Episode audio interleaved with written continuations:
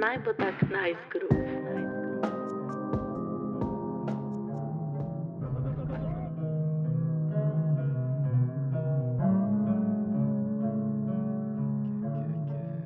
Kot poklic upravljati svoje poslanstvo in s svojimi dejanji izboljševati življenje, življenjske pogoje za druge ljudi okrog sebe. Ali ni to, ni to nekaj najlepšega? Naša današnja gostja, Živa Jakšič Ivačič, počne ravno to. Je študentka na pedagoški fakulteti in trenutno končuje magistrski študij specialne in rehabilitacijske pedagogike. In današnji pogovor je en mojih ljubših, en zelo sproščen, tako v pogled v razmišljanje nekoga, ki je posvetil svojo karjerno pot poslanstvu in to res upravlja z dušo. Več o sebi in pa o svoji poti in izbiri svoje poti uh, bo živa povedala, kar sama, ne bom jaz zgubljala besed. Tako da uživite. Mogoče za začetek um, lepo zdrav obema, živa in tinkara v glasbenem epizodi živa to, kar ti počneš, se meni zdi izjemno, izjemno lepo poslanstvo. Tako, mogoče, če, nismo, če nisi zelo pozoren na, na cel svet in kako drugi ljudje to dojemajo svet, se tega sploh ne zavedaš, da ni enak za vse. Uh, tako da jaz izjemno cenim tvoje delo. Bi pa mogoče za začetek prosila, da malo poveš, kaj sploh je specialna pedagogika In, in pa ta, zdaj bom spet imela težave z izgovorjavo, ne z pomagami. Uh, mm. rehi, čaki, Rehabilitacijska. Tako je. Tako. Um, specialna in rehabilitacijska pedagogika je sicer študijski program na Pedagoški fakulteti Univerze v Ljubljani. Je edini tak program v Sloveniji in a, na tem programu se izobražujemo, da bomo na koncu postali učitelji za otroke s posebnimi potrebami. Primarno ampak ne delamo samo z otroci s posebnimi potrebami, delamo z v bistvu celotno populacijo. Torej se specializiramo tudi potem za odrasle in starejše. Um, Tako da to je v bistvu na kratek povzetek znotraj tega. Nismo pa, naprimer, specializirani za um, osebe z govornimi jezikovnimi motnjami, to so naprimer uh, logopedi, um, tako da mi pokrivamo mogoče malo bolj uh, širši spektr uh, posebnih potreb. Potem so pa znotraj naše stroke še um, profili, ki so specializirani prav za različne, različne ljudi z različnimi potrebami. Aha, kakšna je pa tako recimo, razlika med um, socialno pedagogiko? To je zdaj bolj lajčna, uh, lajčna razlika, ja. zato ker nisem socialni pedagog, ampak uh, socialni pedagogi pa se ukvarjajo z skupinami, ki, skupinami ljudmi, ki so marginalizirani, bolj odrinjeni na rob družbe, tudi z osebami s posebnimi potrebami, ampak mogoče ne tako zelo v pedagoškem smislu. Torej, mi, mi lahko postanemo prav učitelji, naprimer, če si predstavljate, razredni učitelji. Um, Medtem ko oni se pokvarjajo tudi z osebami, ki so v zaporih, z um, brezdomci, z um, najstniki, ki imajo mogoče kakšne vedenske težave in imajo uh, čist drugačen nabor, uh, mogoče bolj sociološko usmerjenega znanja. Um, tako da uh, specialni pedagogi pa socialni skupaj, če sodelujemo, se zelo dobro poklapamo um, za nek celostni pristop uh, obravnave uh, oseb. Ja, jih sem hotel reči, da pa, pa res uh, zajamete in ta sociološki vidik, pa neke eksterne faktorje v posameznikovem življenju, in pa, pa tudi kakšne um, šole. uh, tukaj, tukaj, če upletemo še, se pravi, tvojo mentorico, uh, ki ti jo je ta TEDx Univerzita v Ljubljano delil, uh, se pravi, Tinkaro. Um, Tinkara, uh, tudi nekako uh, ta tvoja, uh, tvoj, uh, tvoje ozadje je malo podobno. Ja. Uh, bi lahko rekel. Um, se pravi, Folk je tako lahko tvojo epizodico že poslušal uh, v, v ekipi od programa, uh, v eni izmed prejšnjih epizod, ampak uh, lahko samo na kratko uh, še poveš, recimo, kaj, uh, kaj pa ti počneš? Ja, jaz isto študiram specialno in rehabilitacijsko pedagogiko, sem v drugem letniku. Ja, jaz sem pa ne, na koncu srednje začutila, da tisto, kar sem takrat se izobraževala, me ne potegne toliko, sem začutila neko poslanstvo ker imam tudi sama sestro s posebnim potrebam, da pač moram za njih nekaj narediti. Ne nekaj me je nagovoril, da moram to študirati in zdaj, ko to, to študiram, je tako, wow, ful me je noter potegnil, tako da res uživam v študiju. No. In mi je živo no. res fajn delati, ker ona tako. Ne vem, si jo imamo za idealna faksa, no, res je vse. Res? Ja, oh, wow. hudo. Živa, zelo dela. Ja, Kaj, kaj Škoda, da to ni vizualno posnet, ker si prikrivamo obraz. Hej, maybe bo. Bomo zdaj dodali klipe. Ja, ful zanimivo to slišati. Še posebej, tako kot si rekla, Tinkara, da jo imate res kot nek ideal. Recimo na mojem faksu, na, na Friju za računalništvo, mi nimamo nobenega tazga, ko bi rekli, u, on je pa alfa omega, pač mi si želimo biti kot on. Um, a dejansko, ko gledate na živo? bolj no, kot inspiracija se mi zdi, ker se s tokimi stvarmi ukvarja, da si tako, ja, tudi jaz bi lahko še kaj delo, poleg tega, kar že delam. No. Jaz se tako gledam. Wow. Ja. Wow. Jaz, recimo, tukaj prvama ful vidim to notranjo motivacijo, ne? ni neki, ni zunanja, ni od nikjer druge, ne pride, kot kar izvajo samih in prav žarite, ker začnete o tem govoriti, no, čisto osebno. Um, mogoče živa lahko ti čisto na kratko poveš, kako si pa ti prestala pri tem poslanstvu, oziroma kaj pa je tebe poklicalo. Um, podobno kot Tinkara, um, medve s Tinkaro. Jaz sem tako vesela, da je Tinkara moja mentorica, ker medve govoriva isti jezik. Medve se tako, tako se razumeva, da sicer so tudi minusi tega, kar se samega pripravlja govor tiče, zato ker medve se štekava, pa pa kdo zunanji posluša, pa tako, kaj. Ampak, um, no, jaz sem se za študij uh, odločila iz zelo podobnih razlogov. Jaz sem imela pa brata uh, z Downovim sindromom. Tako da podobno kot Tinkara, ko, se, ko v družino pride uh, oseba s posebnimi potrebami, v mojem primeru ima Downov sindrom, se nekako cela družina obrne uh, k tej osebi in se potem svet vrti okoli te osebe. In kot sorojenci smo vajeni biti v tem svetu in, in čutimo čutimo, kako ne posredno, sicer posredno, ampak čutimo, kako, kako je imeti posebne potrebe v tem svetu. Um, in lahko vidimo, kako se drugi obnašajo do našega ljubljene sestre ali brata.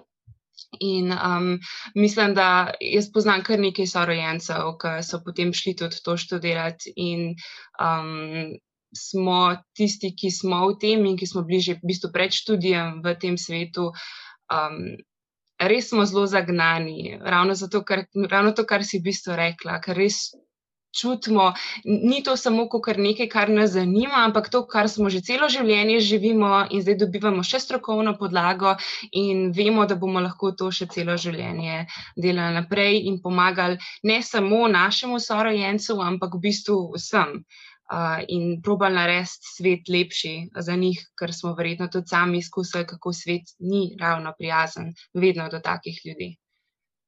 Wow. Kako lepo. ja, ne, to, res, je, to je res. Sem... Uh, ja, bom jaz. Uh, Tako fino je slišati. Uh, Res tako nek uh, močno, močno strast uh, za to, uh, za nek uh, life, kaj bi temu rekel, neko poslanstvo. No, ja, to se mi je zelo malo ljudi. Ja. Prav poslanstvo je. Ja. Uh, ful lepo slišati. No. Hm, in, in tudi uh, v bistvu si predstavljam, da če, če si že v otroštvu, recimo, soočen uh, z neko tako situacijo, ker imata vidva obe, se pravi, da imata ali brata ali pa sestro, uh, ko ima, um, ko ima uh, to situacijo. Potem že že pred faksom, oziroma že preden zač se začneš tako uradno izobraževati o tem, imaš že tako podlago znanja, um, da, da, da v bistvu je čisto logično potem tudi, da greš uh, to študirati. Um, zelo, zelo, zelo zanimivo. Hm. Mi zdi, da mogoče včasih na kakšnih fakultetah ali pa v kakšno smer, ki mi študiramo, manjka to, da vnosijo zavest, zakaj nekaj počneš. Ne? Ali pa kaj, kaj zdaj jaz res pripomorem k temu, ali pa to, kar se jaz učim, sploh pomaga. Vide pa to najbrž takoj pripneta realnosti, oziroma če recimo je preveč teoretično, najbrž razmišljata pa v svojo glavo. No, Mislim, da smo vsi, da smo praktično čisto vsi študenti in študentke na tem študijskem programu taki, ki res čutimo to kot poslanstvo. Če imaš osebno izkušnjo ali pa ne, redko kdo se odloči za tak študij, um, kar tako na hojladri. Um, zato, ker je to zahtevno delo, um, tudi študij je zahteven iz vidika, da ne samo, da, mislim, da se moraš zdaj na pamet učiti neko teorijo, ampak v bistvu moraš tekom študija res zgraditi sebe kot strokovnjak. Ne? Res moraš gledati globoko vase, um, kakšni so tvoji pogledi na svet. Kje so tvoje vrednote, stališča, kaj misliš o raznih perečih temah, um, Tako da iz tega vidika tudi je zelo zahteven študij in težko prideš samo na predavanje, poslušaš, se naučiš za izpit, ampak te res naši profesori te preoblikujejo v specialnega pedagoga in v strokovnjaka. Um, tako da um, je študirati to stvar. Um, res, res izpopolnjujoče, res je fino, ker si obkrožen z ljudmi, ki podobno čutijo, kot ti, ki podobno razmišljajo, kot ti, ki bi vsi radi spremenili svet in uh, v taki energiji biti v formativnih študentskih letih, kjer tudi sam misliš, da se da spremeniti svet. Je, um, Jaz ne vem, če bom še kdaj v življenju v taki situaciji, kot sem bila, ker sem zdaj že na koncu študija, da bom um, v okolju, kjer je možno spremeniti svet in da bodo vsi okoli tebe to verjeli in bodo vsi probali tudi to narediti. Mogoče imam tukaj eno, do, tako, eno vprašanje. Spremeniti svet, ne? Kje pa začneš spremenjati svet? Pri sebi. Vedno. Mm. Ne moreš vplivati na dejanja drugih, lahko pa vplivaš na svoje dejanja. In če je dovolj ljudi, ki so pripravljeni vplivati na svoje dejanja, um, In če spraviš dovolj ljudi blizu tebe, ki bodo podobno čutili in bomo podobno razmišljali, bo vedno več takih um, oseb v tem svetu, ki bodo želeli spremenjati svoj svet na boljše. In če nas je enkrat malih svetov, ki se trudimo biti, da je boljše, potem bomo ja pa kaj dobrega naredili skupaj.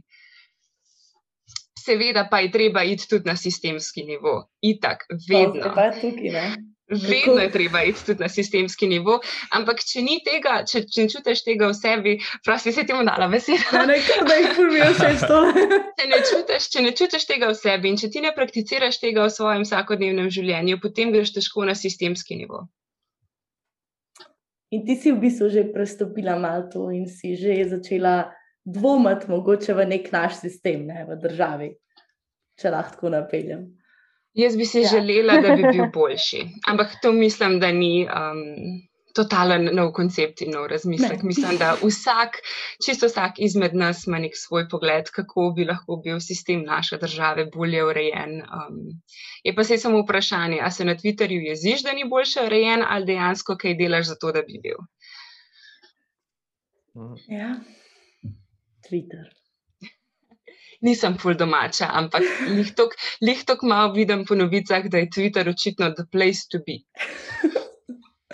Uh, ja, ali te pa zbrišajo, pa te potem ni več. ampak uh, nisem hodila v to smer, mislim, ne čisto v to smer, ampak uh, en pomemben projekt vodiš, uh, ki se meni zdi, uh, da zna, ker mislim, Zato si tudi tukaj, zato bi rekel, da tudi uh, imaš tukaj govor na TEDx University of Ljubljana. Pa zdaj, da ne bomo preveč, preveč razkrili, uh, ker zato morajo poslušati govor. Ampak živa je podvomila v pravni jezik, bi jaz rekla, ker ne vem, pa ti tukaj kar predam besedo, v bistvu, da lahko ti malo več poveš.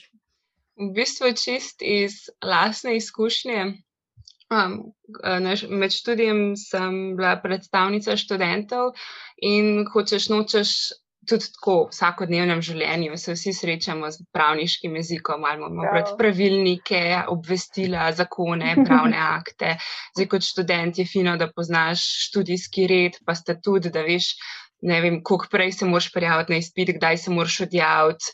Um, pa take, čisto osnovne stvari, ki nam pomagajo, zato da ne, lahko študiramo, so napisane na način, da sicer jih večinoma se le trudimo jih razumeti, ampak so napisane v pravniškem jeziku, ki pa na koncu dneva je um, razumljen oziroma ga razumejo pravniki.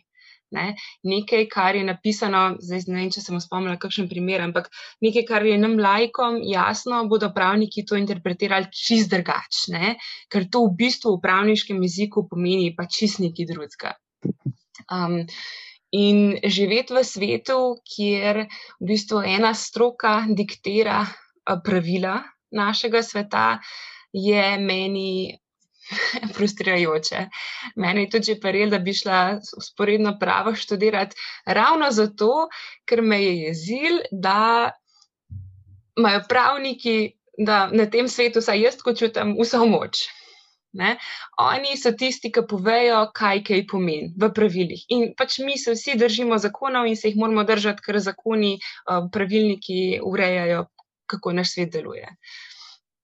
In um, bi bilo fulj zanimivo um, imeti večji dostop do vseh teh informacij, da bi lahko tudi mi, navadni lajki, lahko vzeli en pravni dokument v roke in ga tudi zaznali prebrati in ga um, bi sposobni razumeti. Mhm. To je tako, kot tu um, v osnovnih šolah se učimo funkcionalnega branja. Se mi da radi rečejo učitelji, da, da znaš razumeti neko besedilo, pa povleči ven to pravo informacijo. Potem pa enkrat, ko tako kot si omenila, tudi te študijske akte, ki priješ na to stopnjo, si pa rečeš, mene nobeni naučil brati teh členov, ali pa če se hočeš prijaviti na kakšen razpis, kako mm -hmm. zdaj to mhm. prav naredim.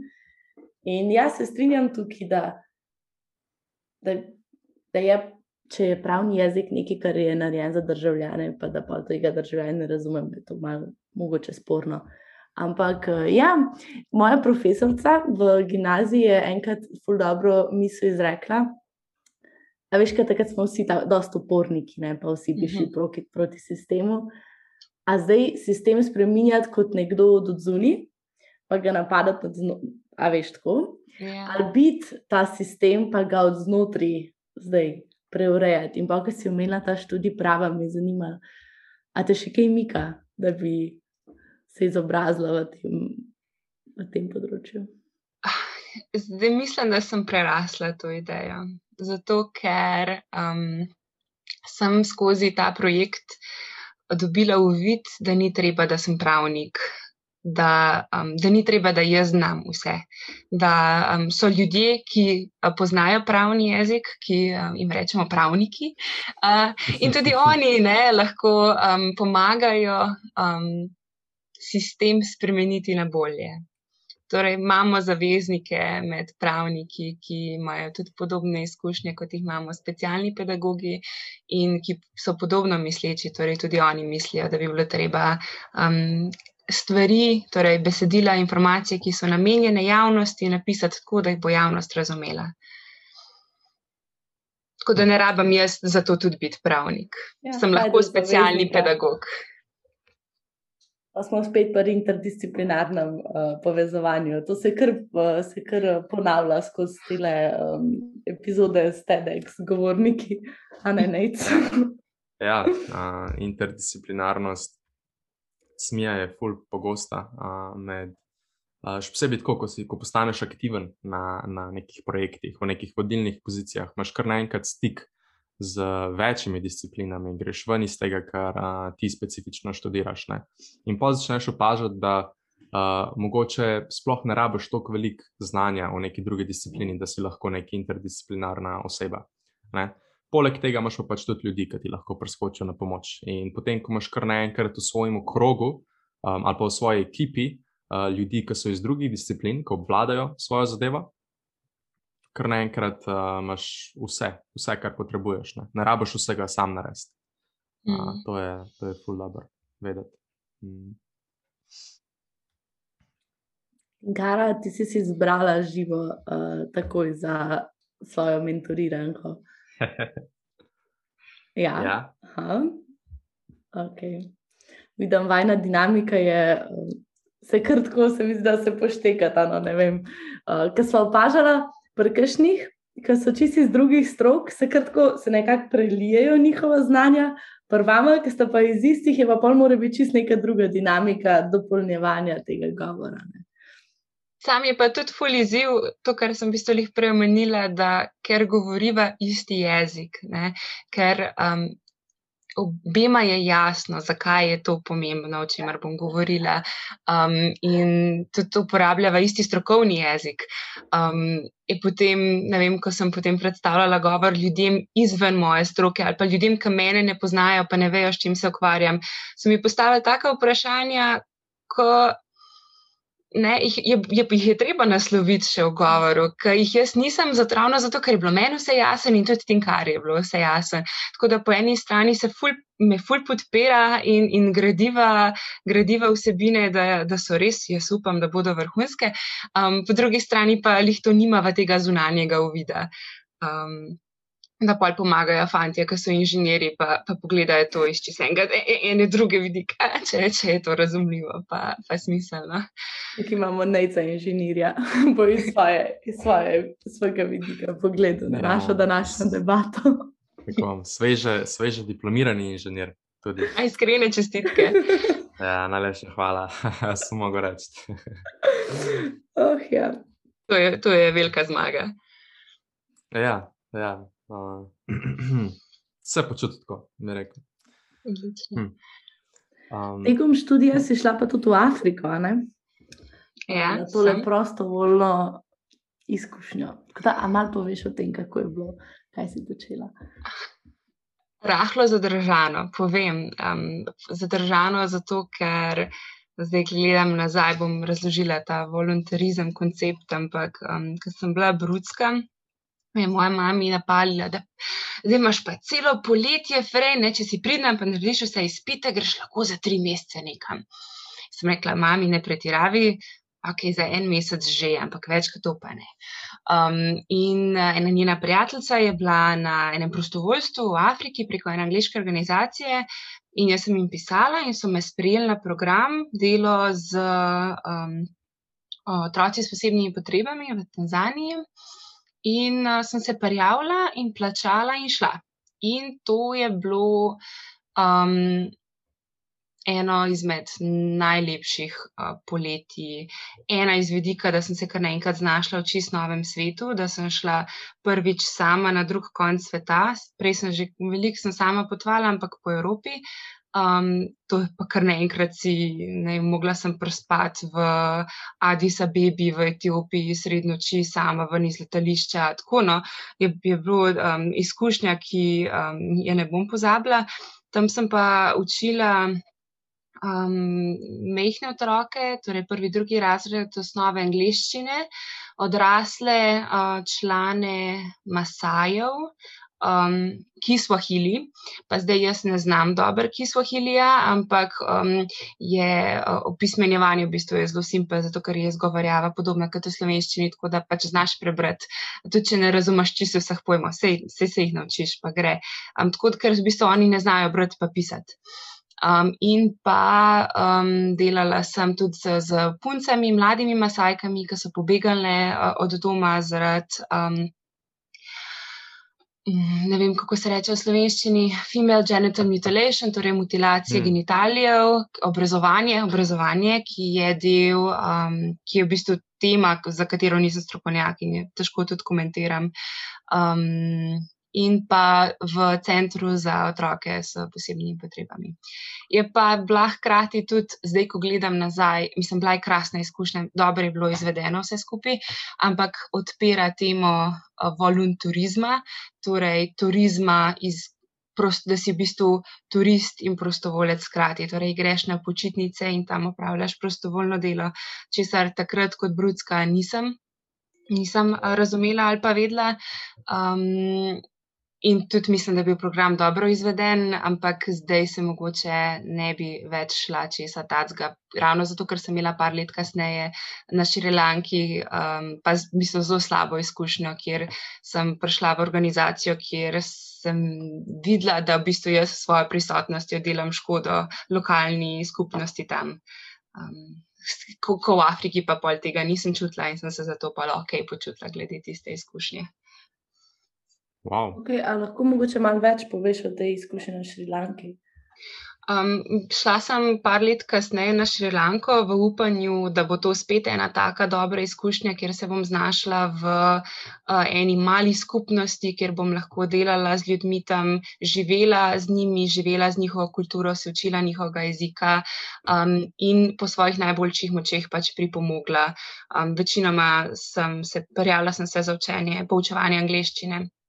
Ko sem prišla tja, sem videla, da je to uh, ena ogromna organizacija. Kljub temu, da sem pred časom naredila svojo raziskavo, mi je zgledala stvar v redu. Um, ko sem prišla tja, je bilo to ogromna, ogromna, ne hotel z mladimi uh, ljudmi, ki so prišli prostovoljno delati. Um, prvi teden so nas okol pelali, nam pokazali vse turistične lokacije, in potem smo um, prostovoljno delali kao poučevali, ampak to je bilo brez kakršnih koli učnih načrtov, brez kakršnega koli planiranja. Torej, vsak teden si poučeval nekoga drugega, in pač lahko se je zgodilo, da so otroci vem, štiri tedne zapored poslušali sadje, pa zelenjavo v angleščini, zato ker noben ni kontroliral, kaj jih učimo, kako jih učimo, ali sledimo kakšnemu planu. Um, ni bilo nobenih pravil glede fotografiranja otrok in objavljanja na internet. Um, In sem čutila, v bistvu, da smo mi prišli tja, um, zato da smo plačali, da smo tam, in v zameno za, za ta denar, ki smo plačali za karto in za nastanitev in za vse to, lahko na, druža, dru, na spletnih uh, stranih, na Facebooku, Instagramu objavljamo, koliko smo mi zdaj dobri ljudje, ki delamo s temi bogimi otroci. Tako da hm. tam, tam sem imela pa res, res ta, ta slab občutek, ker sem se potem prosila, da so me zamenjali na en drug projekt, kjer sem barvala templje. Zato, ker s tem, se vem, ampak s tem sem imela občutek, ker itak sem že bila tam, ne? zdaj kle, there's no going back. Ne? Ampak kaj jaz zdaj lahko s mojim časom tam naredim, da ne bom uh, imela občutek, da aktivno škodujem, ne? s tem, ko sem tam in sem del nečesar v pač kar ne verjamem. Tako da mislim, da templjem nisem hudo škodovala s tem, ker sem jih barvala, pa dva tedna sem delala z, v zavetišču um, z morskimi želvami s posebnimi potrebami. Tako da tam smo jih pa hranili, pa pucali, pa futrali, pa tisti je bilo pa krasna izkušnja in tudi mislim, da jim nisem um, hudo škodovala. Okay. Uh, zdaj, jaz imam tukaj par uh, konkretnih vprašanj še o tisti izkušnji v Tanzaniji, ampak prej, da yeah. se prosim sam dotakniti uh, morskih želv s posebnimi potrebami. Meni se zdi to stvar, ki nisem še sploh slišal. Mislim, sem si predstavljal, da v bistvu imajo tudi želve lahko uh, take situacije, ampak kako se pa to pri njih izraža? Um, ali zaradi starosti oslepijo in potem ne morejo več loviti. Torej, gre se za to, da so to želve, ki v naravi ne morejo preživeti in so jih potem uh, ali lokalni reševalci rešili, ali pa so jih ribiči pripeljali v to zavetišče. Um, želve se pogosto v ribolovu zataknejo v ribiške mreže in ker je uh, ribiške mreže drago prerezati, raje odrežejo želvino roko. Joj, plavut. Plavut, mhm. želvino plavut. Zaradi veliko plastike v oceanu želve pogosto zamenjajo um, plavajoče plastične vrečke z meduzami, ki jih jejo. In če pojejo preveč plastike, se jim nabere v njihovem oklepu in potem se ne morejo več potapljati, zato ker jih plastika privabi na površje uh, in potem ne morejo več loviti in stradajo. Tako da tiste, ki naprimer, so imele preveč plastike, smo jih mogli medtem, ko so jedle, fizično potisniti v vodo, zato da so lahko pod vodo pojedle uh, ribo. Um, tako da to so samo ene izmed posebnih potreb, ki jih lahko imajo želve. Aha, pa še to, nasplošno um, jajca, jajca želv so specialiteta um, in ljudje potem iščejo jajca, da bi jih um, pač pojedli. Zato tudi, um, ko je sezona, da želve. Um, polagajo jajčeta na plaže, jih pogosto um, te lokalni, um, ki se s tem ukvarjajo, jih rešijo, jih potem prenesejo v center, jih vzgojijo v mehne želve in jih potem spustijo v naravo. Torej, kljub temu, da nimajo posebnih potreb, se potem ukvarjajo s tem, da populacija želv v okolici ne upada. Da zavarujejo jajca pred mm. gurmani ali kaj se to. Tako. Wow. O, Hm, ful, uh, ful, ful, se mi je tudi taka dobra, nekako uh, dobra zamenjava uh, v smislu za, uh, sprav, barvala si temple, pa skrbela si za, za Ja. te želje. Uh, Ja. Čista kulska zadeva. Ha, in to si, koliko, si bila, koliko časa si bila pa na Šrilanki potem? A, Šest tednov vse skupaj. Ha, ok, šest tednov. V Afriki sem bila pa dvakrat, enkrat po en mesec, drugič sem pa v bistvu delala za to organizacijo kot pripravnik za tri mesece, torej vse skupaj štiri mesece. Aha, in oboje je bilo isto, uh, ista izkušnja. Ja, ja, v bistvu sem šla Okej. takoj naslednjo poletje nazaj še za tri mesece, ker tist pa voluntarizem ali pa ne, tist je pa bila meni taka izkušnja. Um, mislim, da sem tudi jaz lahko toliko dobrega naredila, da sem živela za to, da grem nazaj, celo leto sem čakala. A tam si imela pa skozi en, en razred, recimo otrok. Ne, en kup, vsak dan Ampak so drugega. bili Ja. isti otroci, mislim, to so se, um, kar rekla, o- omenila si, da na Šrilanki si imela lahko vsak dan ali pa vsakeč druge otroke, Ja. brez nekega učnega načrta. V bistvu je bilo krasno, zato ker so imeli cel koncept izobraževanja v- ne usklajen z lokalno skupnostjo. Torej, to ni bila organizacija, ki je prišla v lokalno skupnost in rekla, zdaj bomo pa mi naredili tako, kot mi mislimo, da je najboljš, ampak so bili vedno 100% usklajeni s potrebami oseb v. V, pač v tisti skupnosti. Vedno smo naslavljali ravno tisto, kar oni potrebujejo.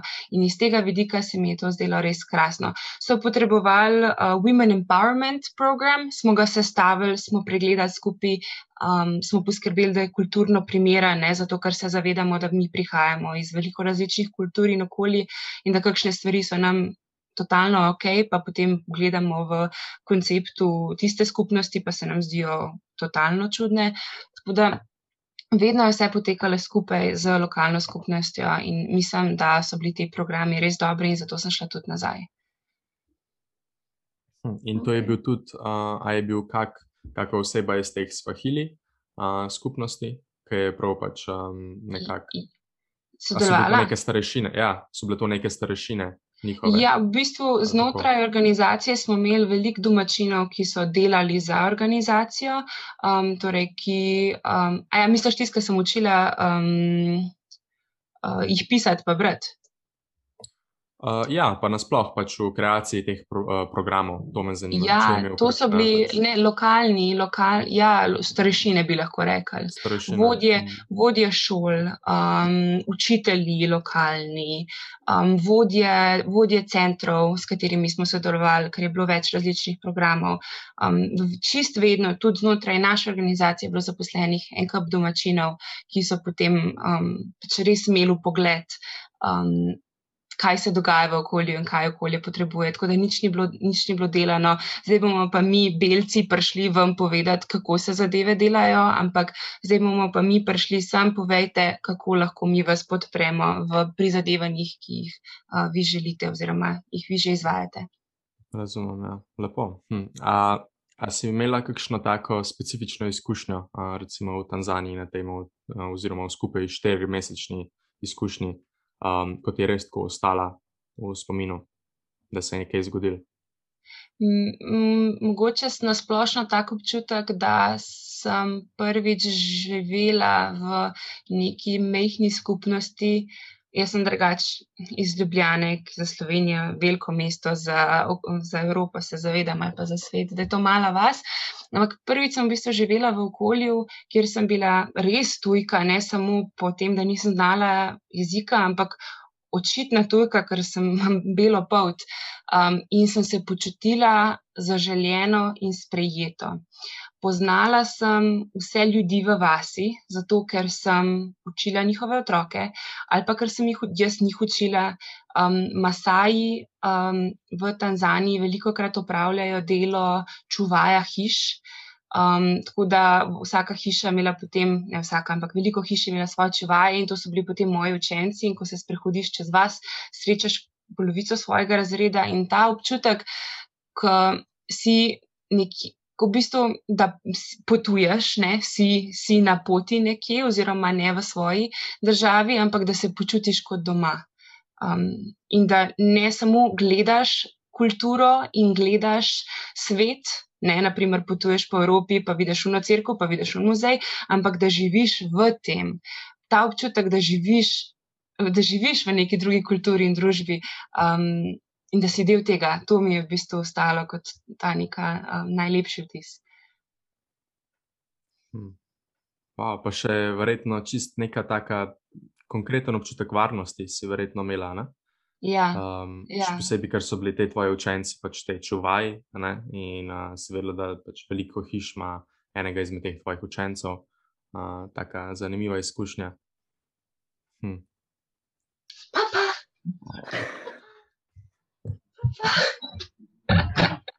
Jo, kogluška, no. ja, sem tudi študentska mama izmed vseh mojih CV um, navedb. Ja, Svaka Ha. čast. Bravo. ja, ja. Me, me zanima, kako izgleda recimo tvoj time schedule. Tako, če ga sploh imaš, ne, če sploh lahko imaš time schedule, ko imaš otroke. Tako uno, da, da rečeš, ok, ob, ob petih bomo to delali, ob šestih bomo to, ker ne veš, da bo spal, ne, sklepam. Aha, aha veš, veš, um, približen veš. No?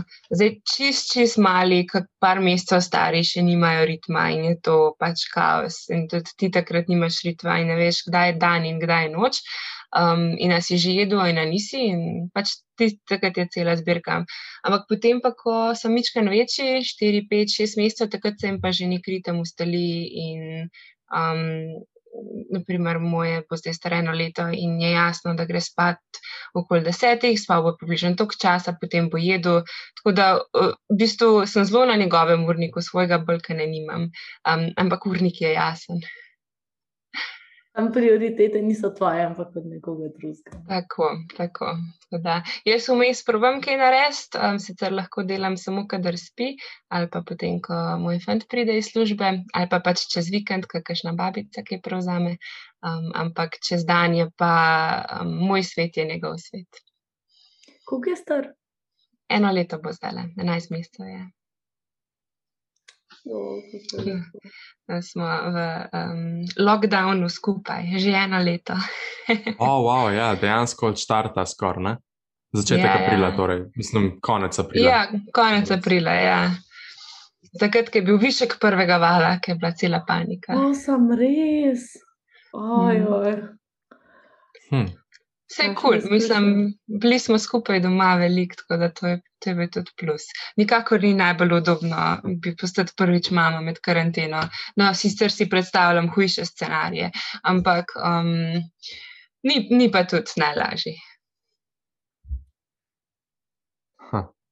Ja. Jaz sem tukaj to- čist bosa, ker nimam čist nobene take Enako. Enako. Um, predlagam, da gremo na kakšne bolj um, teme, ko. Um, Študentske. ja. Čeprav to, to je ful. Zdaj sem Ja, yeah, v eno, bistvu je. eno anketo sem rešvala na našem faksu, ima- imajo pri enem predmetu v bistvu delajo raziskavo, kakšno imamo, kakšno imamo študenti percepcijo do družine Mhm. in um, kako, kako si predstavljamo svojo družino, kdaj si jo predstavljamo. In me ful zanima, kakšni bodo rezultati. Ker to so jih ta leta, ki se vse to razlikuje.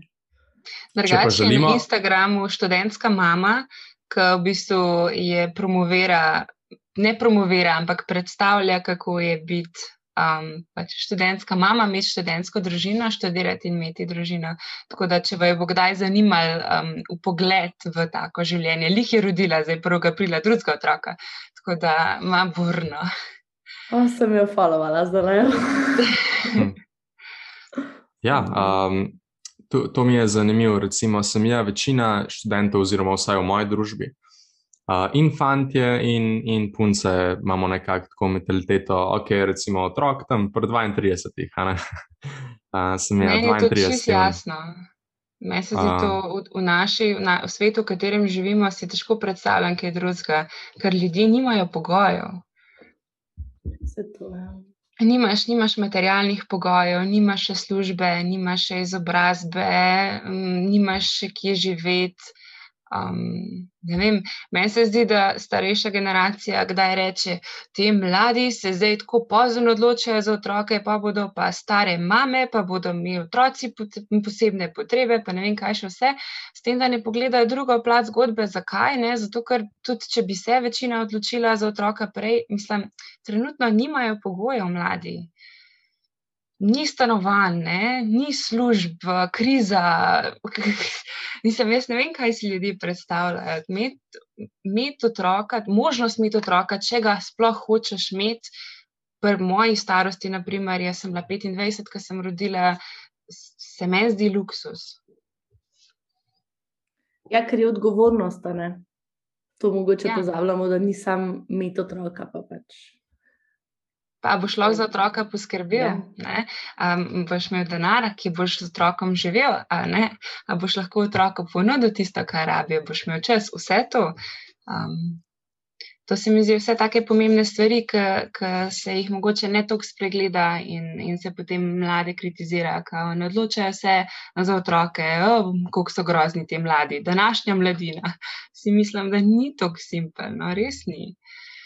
Ja, če moja mm. babi vprašamo, to je v sosednji sobi. Ravno to rekla. ja. Ha. Ha. Pa tudi neka mentalna zrelost. Ne? Se mi zdi, da veliko ljudi naše starosti, mislim, z mano vključno, bi jaz rekel. Um, nismo. Mislim, sam je pa zdaj pa druga zgodba. Ne? Recimo, kao, da starševstvo je ena zadeva, ko se res, resno z njo soočaš, le takrat, ko imaš otroka in kar naenkrat si potem primoran nekako tako mentalno odrasti. Um, mm. Vem, jaz, sem, jaz sem zelo pristašica tega, da pač se osebe same zase odločijo, kdaj same čutijo, da si to želijo, če si to želijo, in da sprejmejo to odločitev, takrat, ko čutijo, da je pravi čas. Zdaj, če je to pri 30, ali pa če je to pri 20, ali pa če je to pri 40. Sicer pri 40 je to vedoč, da to spremlja lahko določene zdravstvene težave, tako za mamo kot za otroka, ampak še vedno je to odločitev. Ampak to se lahko zgodi pri 20 in to se tudi lahko zgodi pri 30. Tako da to je zelo osebna odločitev. Um, bi bilo pa fino, da bi imeli mladi um, dobre pogoje, zato da če bi si želel, da bi lahko. Uh, in... hm. To je ena zanimiva stvar, ki sem jo na izmenjavi v Oslu opazila. Tam so mladi zelo, zelo zgodni starši. Zelo zgodni se odselijo uh, mm. in ustvarijo svojo družino. In pa sem razmišljala, da primerjaš, da je pri nas pa ni tako, pa pri nas. Eh, noben noče imeti tako zgodaj otrok, pa si rečeš, potem na koncu ugotoviš, da je tako, kot si rekla, sej, sej ni teh pogojev, da bi lahko tako ra, na lahko razmišljalo o tem, pa da bi bilo to sam, pač ja, to je naslednja faza, to se bo zgodilo pa 24, 25, tukaj je to tako res. Ja, zelo individualno ampak hkrati pa država mora poskrbeti za to. Že, če gledamo trenutno stanovansko problematiko, za katero spet nisem strokovnjakinja, ampak kar slišim, je nor problem. In Lizanj sva s fantom gledala na Sursu podatke iz 2019, da se povprečno mladi v Sloveniji selijo doma pr 28. Ne? Torej, šele takrat ne, lahko grejo na svoje, povprečno. Ne? Ne, točno to, to je povprečje, se pravi, višja številka, maksimum pa minimum. Dobre, torej, kaj bolj pričakuješ, da živiš v sobi, v kateri živiš že kot si najstnik, pa da imaš kaj tam noter, družino, ali živiš v malem stanovanju v Ljubljani. Ali, ne, vem, ne vem, se mi zdi, da je to, to zelo, jaz zelo ne morem obsojati. Um, Druge, ki se ne odločijo, da imajo otroke, ali pa pač, če se odločijo, to je pa res tako zelo osebna odločitev ker ne moreš biti pameten za drugega, res ne moreš. Kaj pa hmm. meniš o tem, mogoče se je čisto off topic, ampak se mi zdi, da je lahko zanimivo, zanimiva debata o tej selitvi na svoje. A hmm. se ti že, že dolg časa živiš uh, sama, oziroma ne vem, ki trenutno živiš? Ampak, ja. Tako me zanima. A se ti zdi, da je to tako pomemben mejnik v posameznikovem življenju za nek razvoj? Je, yeah. Mislim, da ful je. Zato, ker ugotoviš, koliko stane čistila, pa vece papir. Jaz sem na svojem, jaz sem na svojem od 20 leta, um, ker sem imela to možnost, um, ker me družina uh, je pri tem podprla in me še zdaj podpira pri tem. Um, tudi finančno, oziroma s stanovanjem, uh, na katerega sem lahko šla. Um, v bistvu me je um, oče me je prijazno obvestil, um, da, da bom stara 20 in da je čas, da grem na svoje. In takrat mi je bilo malenkost eh, čudno, ampak sem zelo hvaležna za to izkušnjo, zato ker se mi zdi, da ko res greš izven družinskega stanovanja ali pa družinske hiše, ko živiš čist na svojem, začneš počasi sebe tudi dojemati kot odraslega, samostojnega človeka, ki je odgovoren zase in za stanovanje, in za to, da je hladilnik poln, in da imaš denar, zato da je lahko hladilnik poln. In, um, počasi, počasi se potem to sestavi. No? Tako da jaz mislim, da um, je to zelo pomemben korak. Ki jim bi bilo fino, da uh, jih imajo več. To je to, kar slovenci gradimo, hitro nadstropne hiše, da bodo potem tri generacije noter živele. To mi je zelo zanimiv koncept, ki po mojih izkušnjah očitno ne deluje dobro, ampak se ga še kar držimo, kot pijan splota.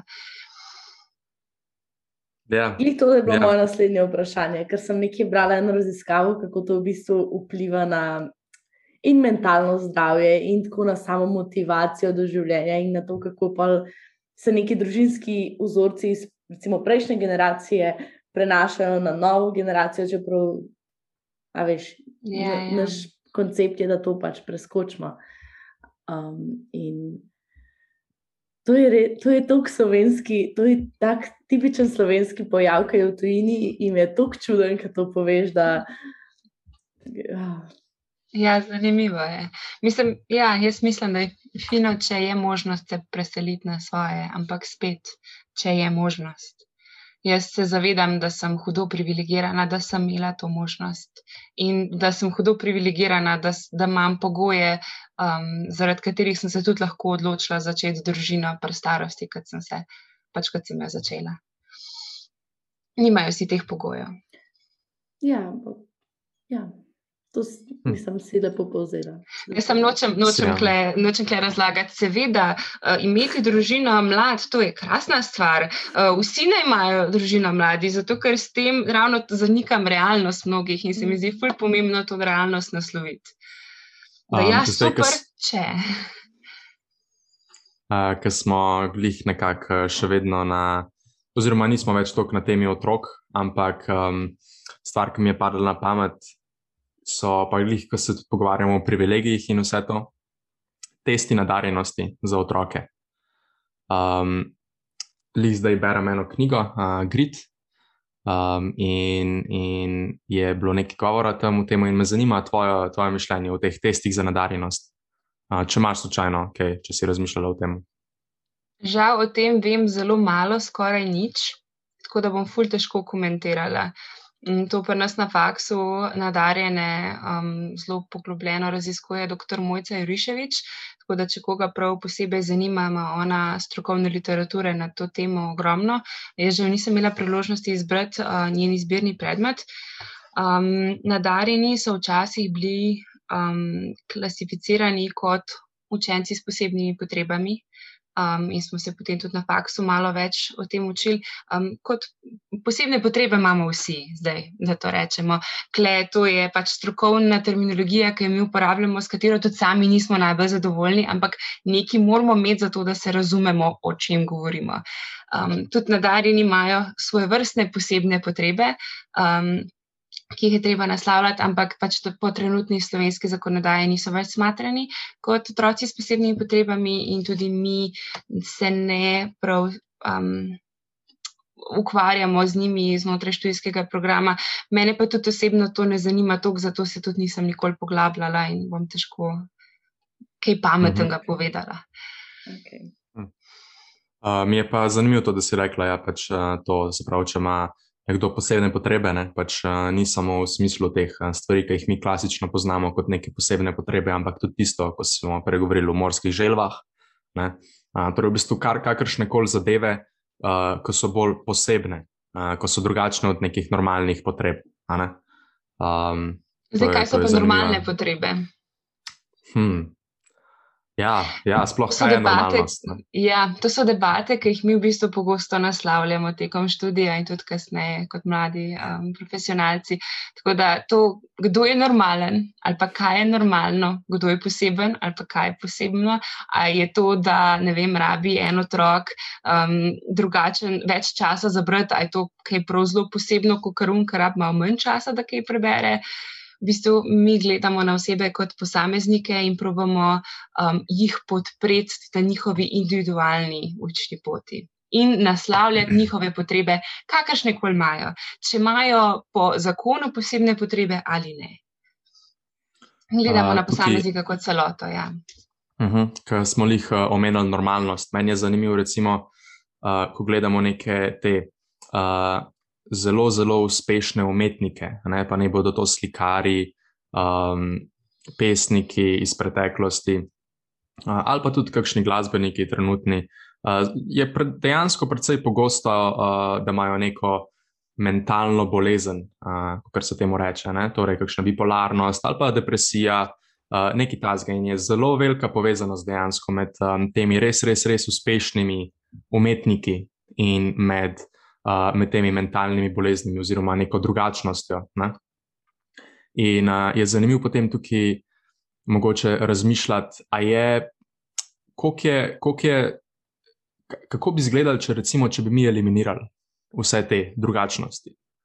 Um, a bi to pomenilo, da ne bi imeli več teh velikih umetnikov, um, da bi mogoče vsi postali nekako normalni. Uh, to, je, to je taka stvar za potencijalno debato. Meni se zdi to zelo zanimiv razmislek, ki trenutno tudi poteka znotraj tako medicinskih kot specialno-pedagoških krogov, ker se trenutno, naprimer na Danskem, je to zelo velika tema, ker so presejalni testi uh, med nosečnostjo zdaj že tako zelo dobri, da lahko z veliko sigurnostjo ugotovijo, ali je s plodom kaj narobe ali ima Downov sindrom. In na Danskem mislim, da se več kot 90% mam, uh, mislim, da se skoraj vse odločajo za te presejalne teste. Mislim, da se jim reče presejalne testi, nisem zdravnik. Um, se odloči za te preiskave. In več kot 90% se odloči potem za splav. Um, torej, oseb z Downovim sindromom je na Danskem vedno manj. Torej, v bistvu se gre za nek, neko selekcijo. Ne? Zdaj pa je to res vprašanje, koga potem izriniti iz naše družbe, zakaj je oseba z Danovim sindromom. Čez kot primer, manj vredna življenja kot jaz ali pa ti. Ali pa če bi um, lahko imeli čarobno palčko, pa začarali, da ne obstajajo več osebe z duševnimi težavami ali pa duševnimi boleznimi, a, a bi bil potem svet res lepši, a bi bil potem svet res boljši um, ali bi bili potem mi tako boljši. In kje je meja, da potem ne rečemo, da začaramo s čarobno palčko, pa da vse, ne vem, črne ženske izginejo iz našega planeta, ker na neki točki tudi to ni bilo smatrano kot normalno. Ne? Tako da klej je zelo, zelo, zelo tanka meja med tem, kdo je tisti, ki postavlja mejo, kaj je normalno, pa kaj ni in pa kakšen je vpliv naše raznolikosti in drugačnosti potem um, na naše uspehe. Ker, naprimer, veliko, veliko uspešnih ljudi ima posebne potrebe, ampak tudi veliko neuspešnih ljudi ima posebne potrebe. Zdaj, jaz ne vem, v kolikšni meri um, motnje v duševnem zdravju pripomorejo k tem, da so bili, naprimer, določeni glasbeniki uspešni ali ne. Ali pa pripomorejo k tem, da kakšni zelo niso uspešni in so zelo nesrečni in, in uh, težko funkcionirajo uh, v svojem življenju. Da, jaz sem osebno zelo pristašica, da, da smo si vsi med seboj različni in da je to ful lepo.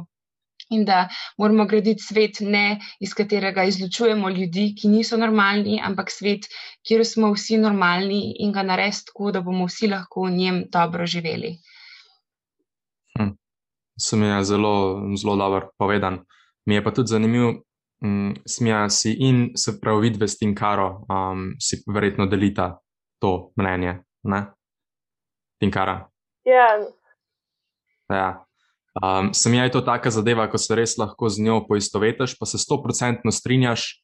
Um, več ali manj samo takrat, ko si recimo tudi ti uh, bil vzgajen v recimo družini, ko, ko, je, um, ko je bila prisotna neka taka oseba s posebnimi potrebami, da res uno tako čutiš to stoprocentno v srcu. Naj se mi, ki nismo imeli čisto nobenih, recimo, nisem imel čisto nobenih izkušenj s tem. Um, se mi zdi to tako kot resnična stvar, kar si povedala, ne? ampak ni pa tako neka stoprocentna stvar, ko, vem, ko, bi, ko bi jaz bil pripravljen tako nekako altruistično, nevrjetno veliko dela noter vložiti, da bi to potem spremenil. Vidve pa recimo, v bistvu ja, to mi je, to mi je zanimivo.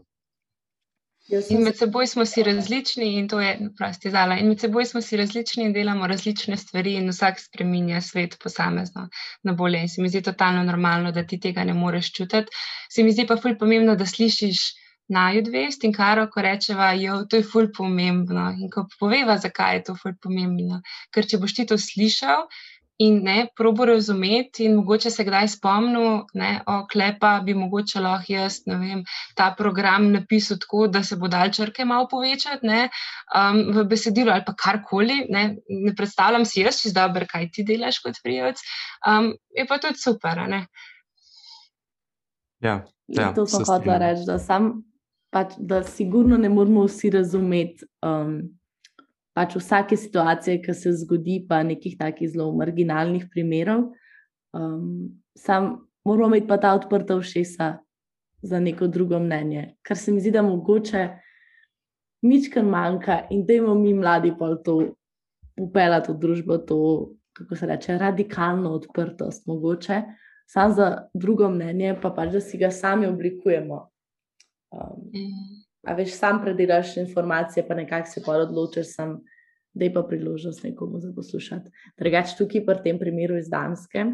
Ne vem, ali ste gledali mogoče film tedna, ene, mogoče ene tri tedne nazaj je bil, uh, tudi na Danskem, enem doktorju, ki je v bistvu med drugo svetovno vojno.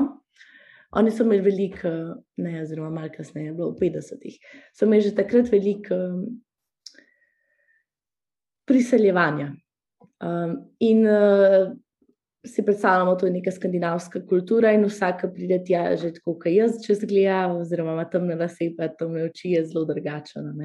No, kako koli. In takrat je bilo veliko uh, žensk iz uh, muslimanskega ozadja. In nek doktor, bil je tam nek program, ki so v bistvu naj bi ženske s posebnimi potrebami, da so, vem, da so imele še mentalne bolezni, take stvari, so jih pač odstranili iz družbe v neko tako bolnico. Institucija. In pol, ja, in, pot, in točno tako. In pa so jih um, sterilizirali. In da so pač preprečili uh, naprej širjenje tega. Ne. In potem so bile, mislim, da ta, ta film je, zavr, je pa lepo, krok neke romantične zgodbe narejen, ampak po resničnih dogodkih in to se je dogajalo še leta 2004. To pa ni bilo toliko časa nazaj, ne, če tako pomislimo. In zdaj um, se da argumentirati iz obeh strani, seveda, zakaj je to ok, recimo, lahko razumemo, ampak ne, kdo. Ne vem, meni je to zelo abstraktno, da se lahko nekdo odloči, pa tako spremenil sodo en posamezniku, čist na, svoje, na svojih plečih, ampak je zelo zanimiv film, ne morem se spomniti naslova. Ampak, ja. Jaz ga nisem gledala, ampak to se je dogajalo tudi v Sloveniji. Ne morem reči, če se še dogaja. Um, institucije so še vedno ogromne v Sloveniji, to so gradovi, stari gradovi, kjer je še vedno ogromno ljudi. Um, recimo temu, zaprtih um, noter z raznimi duševnimi težavami, in pa tudi na nek način v Sloveniji še vedno obstaja, da um, se osebam odozame um, pravilna sposobnost. Um, to pomeni, tako po domač povedan, da ne morejo sprejemati odločitev zase. To pomeni, da ne morejo iti na volitve. Um, to pomeni, da ne morejo sprejeti, um, se strinjati in imeti spolni odnos z nekom, zato ker jim je vzeta upravilna sposobnost, um, če so zakonsko gledano. Tako da to se mi zdi tudi tako zelo um, pereča tema, kako lahko ti osebi oduzameš pravico, da se samo odloča zase. Kdaj lahko ti rečeš, da oseba ne sme iti na volitve, um, zato ker se ni sposobna odločiti, za koga bi volila. Jaz sem govorila z ogromno ljudmi, ki jim je bila oduzeta upravilna sposobnost, pa točno vejo, za koga bi volili in zakaj. Pa ne morejo. Ne? Pa so državljani Slovenije in načeloma imajo volilno pravico, tako kot jo imamo vsi drugi polnoletni državljani.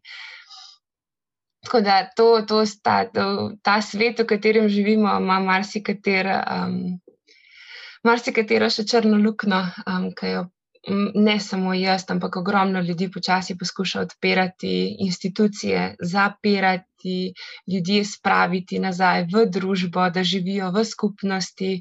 Temu se reče proces deinstitucionalizacije. Um, če bo še kdaj rabila kakšno besedo, ki jo je težko izgovoriti.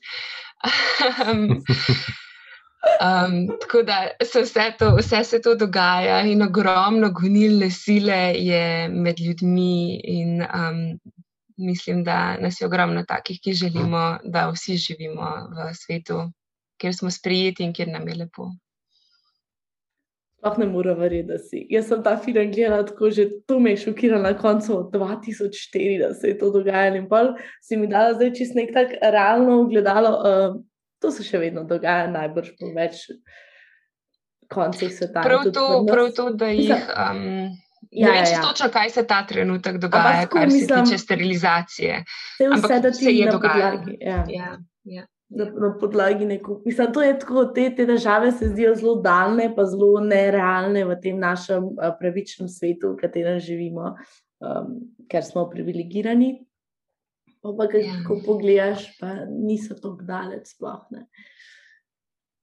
oh. Ampak pa je kakšna stvar, ko je recimo v tej domeni uh, specialnih potreb, ko je pa v zadnjem času uh, imela nek um, pozitiven, pozitivne spremembe, v smislu, da so se neke velike spremembe naredile v neki specifični niši znotraj tega. Uh -huh.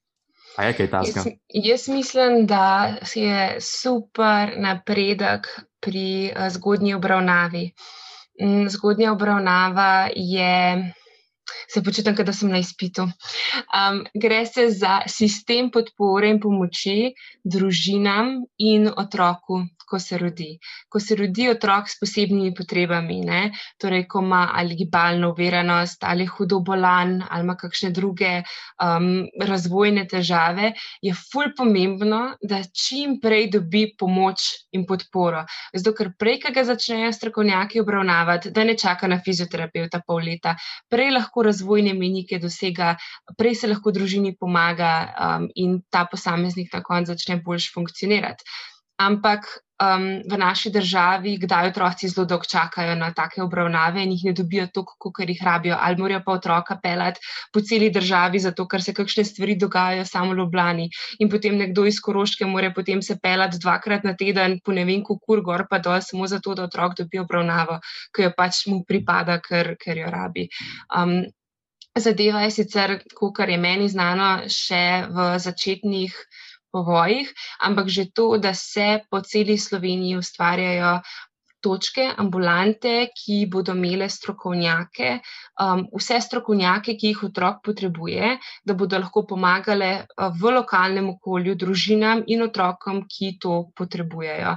Se mi zdi uh, fulj pomemben korak. Dezinstitucionalizacija je še ena taka fulj pomembna tema, ki sem jo tudi že omenila, torej spraviti ljudi ven iz ustanov v katerih živijo. Ustanove so to razni zavodi, kjer so zaprti, v katerem živijo ločeni od vseh nas. Mi ne vemo, da so tam, mi ne vemo, kaj delajo.